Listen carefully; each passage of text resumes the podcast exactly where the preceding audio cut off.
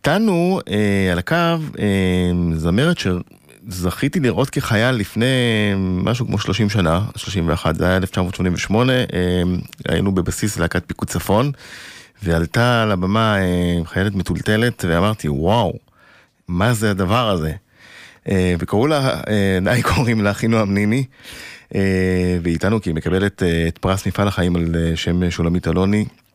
שמוענק כזו השנה השנייה על תרומתה המיוחדת לקידום התרבות המשותפת, זכויות האדם, צדק חברתי וחיים משותפים, יחד עם האומן סעיד אבו שקרה, מייסד הגלריה לאומנות באום אל-פחם. אהלן אחינועם. שלום רז. מה שלומך? בסדר, אני במדריד. אה, קר בטח, אבל כיף מדריד. כן, קר, כיף, אה, חג המולד, הכל מואר ושמח. באתי לכאן אה, לעשות יחסי ציבור להופעה גדולה שיש לי כאן חודש הבא. ומרגישה טוב ועדיין אה, מרוגשת מליל אמש, ממה שדיברת עכשיו, סיפרת על פרס שולמית אלוני. איפה זה תופס אותך בעצם הפרס הזה? איך, מה עובר בראש שמקבלים את ההכרה הזאת? היא באמת מאוד יפה. אמ, קודם כל, אה, כמו שאמרת קצת, אני חוגגת 30 שנות קריירה. אה, צדקתי, את דייקתי. אז. כן, אתה, אתה דיברת על הקריירה הצבאית שלי, כן? כן, נכון. עוד מהלהקה הצבאית. התחלתי אה, באופן, באופן מקצועי, התחלתי ב-1990, השמיני לפברואר באופן מדויק. Mm-hmm. הייתה הופעה הראשונה שלי. ובפברואר 2020, זה 30 שנה, אז אה, באמת זה ככה, שנה חשובה בשבילי, 2020 זאת שממש עוד שנייה מתחילה. ותראה, אה, אני לא מייחסת חשיבות רבה לפרסים, אני לא מחכה לקבל פרסים, ולשנה מתנות יחיה, ואני דוגלת בעניין הזה, אבל אני רואה שהם חשובים לאנשים אחרים, זאת אומרת... הם חשובים למשפחה שלי, להוריי שהיו שם, לבעלי, למשפחה שגם משלמת אה, מחיר גם על הקריירה התובענית של אימא או של הבת בכל כך הרבה שנים. וגם על כל הבחירות שלי, האומנותיות והאחרות. וזה כל כך כיף להם, ראיתי אותם זוהרים וקורנים uh, מההכרה הזאת, וזה משמח אותי מאוד. Um, וגם, uh, וגם לקהל, לאנשים שכן תומכים, האנשים הרבים שתומכים ואולי מרגישים שקולי הוא קולם. אז גם אותם זה נורא מרגש לראות שיש הכרה לדבר הזה שכמה פעמים רבות כל כך מותקף ופתאום מעלים אותו על נס. ו... ומאוד היה לי מרגש לעמוד לצידו של סעיד אבו שקרה, שמי שלא מכיר את פועלו, כדאי שיכיר, יש באום אל-פחם אה, מוזיאון בעצם, מוזיאון לאומנות, ששם אומנים גם ישראלים, גם ערבים, גם בינלאומיים מציגים אומנות ברמה הכי גבוהה. מפגש אמיתי אה, אומנותי בין התרבויות, ומקום שממש ראוי להערכה ולביקור ולפרס הזה. ואת אומרת, אה, נכון, לא חשוב ערך פרסים, ואני כמובן מקבל את התובנה הזאת, אבל עבורי לראות את זה, זה היה, אמרתי לעצמי, אחינועם היא מהאומנים שלאורך השנים, מהאומנים היחידים שתמיד השמיעו גם את הקול בנושאים החברתיים והפוליטיים, וגם במחיר של לחטוף הרבה פעמים ברשתות ולחטוף ביקורות. בכל זאת עמדת כל הזמן ואת עומדת על שלך ומשמיעה את הקול החשוב הזה בכל הגוונים האלה, בטח בעידן של היום שהרשתות מוצפות. במתלהמים לפעמים גם משני הצדדים.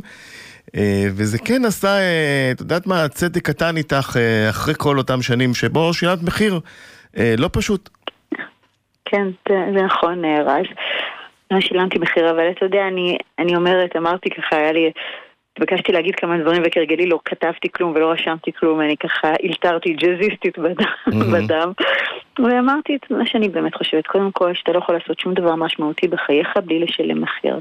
תחשוב על זה, כל החלטה חשובה שאתה לוקח בחיים, אתה משלם עבורה מחיר. להביא ילדים לעולם, להתחתן, לבחור קריירה מסוימת ולא אחרת, כל דבר. אתה משלם עליו מחיר, אבל מצד שני חיים בלי משמעות, איזה מין חיים הם? Mm-hmm. זה דבר אחד. בטח כאומנית. ואני גם מאמינה ש... טוב האדם שיתעסק בדברים שהם לא עצמו.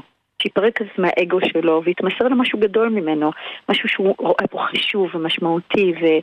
ויתמסר ויתנדב, ואני חושבת שזה נורא נורא בריא ונכון וטוב, זו דוגמה טובה שאני רוצה לתת לילדיי גם. והדבר השלישי שהוא אולי חשוב ביותר, ואני באמת מאמינה בזה, זה שלפעמים באמת מחיר, מחיר הדיבור הוא גבוה. במיוחד בארץ. אבל מחיר השתיקה, מחיר השתיקה גבוה יותר בהרבה. ומחיר השתיקה של אנשים שרואים ומבינים, אבל בוחרים ככה, קצת עצלנים, קצת פחדנים, קצת לא בא להם טוב להגיד, כי מה וזה. המחיר של השתיקה הזאת לא אתה תשלם, ישלמו ילדיך, או אנשים אחרים יקרים לך, או המדינה שאתה אוהב אותה, או, או העולם שאתה רוצה לשמור עליו. זאת אומרת, ואני פשוט לא מוכנה שמישהו ישלם את המחיר על עצלנותי. ו- ולכן אני פועלת באמת מתוך אמונה ומתוך אהבת הארץ, אני מאוד ציונית ואוהבת את ישראל ורוצה לראות אותה, מה שנקרא גלוריאס, אה, לפי תפיסת העולם שלי, ההומנית והליברלית. ו- ו- וזהו, וכמובן לעשות מוזיקה הכי טובה שאני יכולה, תמיד עם דגל ישראל על הראש, זה דבר מאוד חשוב לי כל השנים. וזהו. נחמד לקבל איזה רגע, רגע נחת. אני אגיד לך עוד דבר כן. מדהים, רז, שלאחרונה, אני גם מרגישה שהרחוב קצת השתנה, אני לא יודעת, אני מרגישה את זה. אצלנו פה. אני רואה את זה במדיה, מה? אצלנו בישראל. כן, כן, הרחוב בישראל, איך... אנשים אה? שבאים אליי, גם מה שהם כותבים, תראה, אני מאוד רגישה ל... אמנם אני לא לוקחת ללב יותר מדי, באמת, אנשים שמתלהמים נגדי, אני יודעת שהם לא מדברים אליי. הם מדברים על הפחדים של עצמם, על דברים שהם אולי למדו, חונכו, הם לא מכירים אותי. אז אני לא לוקחת את זה אישית, אני דואגת על התופעה עצמה. אבל אני, אני באמת מנסה לא לקחת את זה ללב. אני, לוק... אני מסתכלת מפרספקטיבה רחוקה יותר. אבל אני רואה שאנשים ככה קצת משנים את טון הדיבור שלהם כלפיי, ואני חושבת שאני זה סוג של נייר ליטמוס גם על המצב כולו. אולי בגלל כל הדברים הרדיקליים שקורים במדינה ועם הממשלה ועם הבחירות, עם כל הדברים האלה, עם היועץ המשפטי והכל. אז מעניין, אז את רואה את כן. אה, יחס משתנה לטובה לאט כן. לאט. יפה. תראה, אני, אני רואה שההופעות שלי מתמלאות, ואנשים באים, ואנשים... זה נורא כיף, אני, אני, זה לא סתם, זה, זה כאילו יש לגיטימציה יותר גדולה לאהוב אדם כמוני, שאני חושבת שהרבה אנשים מאוד מאוד מתחברים למוזיקה שלי, אבל פשוט היה להם קושי, אולי פחד, אולי סטיגמה, אני לא יודעת מה, כל ההסתה, ופתאום השתח... משהו השתחרר, ואני רוא... אני, אני רואה את זה כ... כסימן ממש חיובי, מה אכפת לי להיות אופטימית. מעולה, אז אה, אה, נאחל לך בהצלחה גדולה, ומברוק על הפרס, בהצלחה גדולה בהופעה אה, במדריד. אה, תודה רבה, בקרוב, תודה. ונשמיע אה, ברשותך את החיים יפים, שיר שאהוב עליי במיוחד. בשמחה רבה. ותודה על השיחה הזאת, תודה. תודה לך, אחינועם. ביי ביי.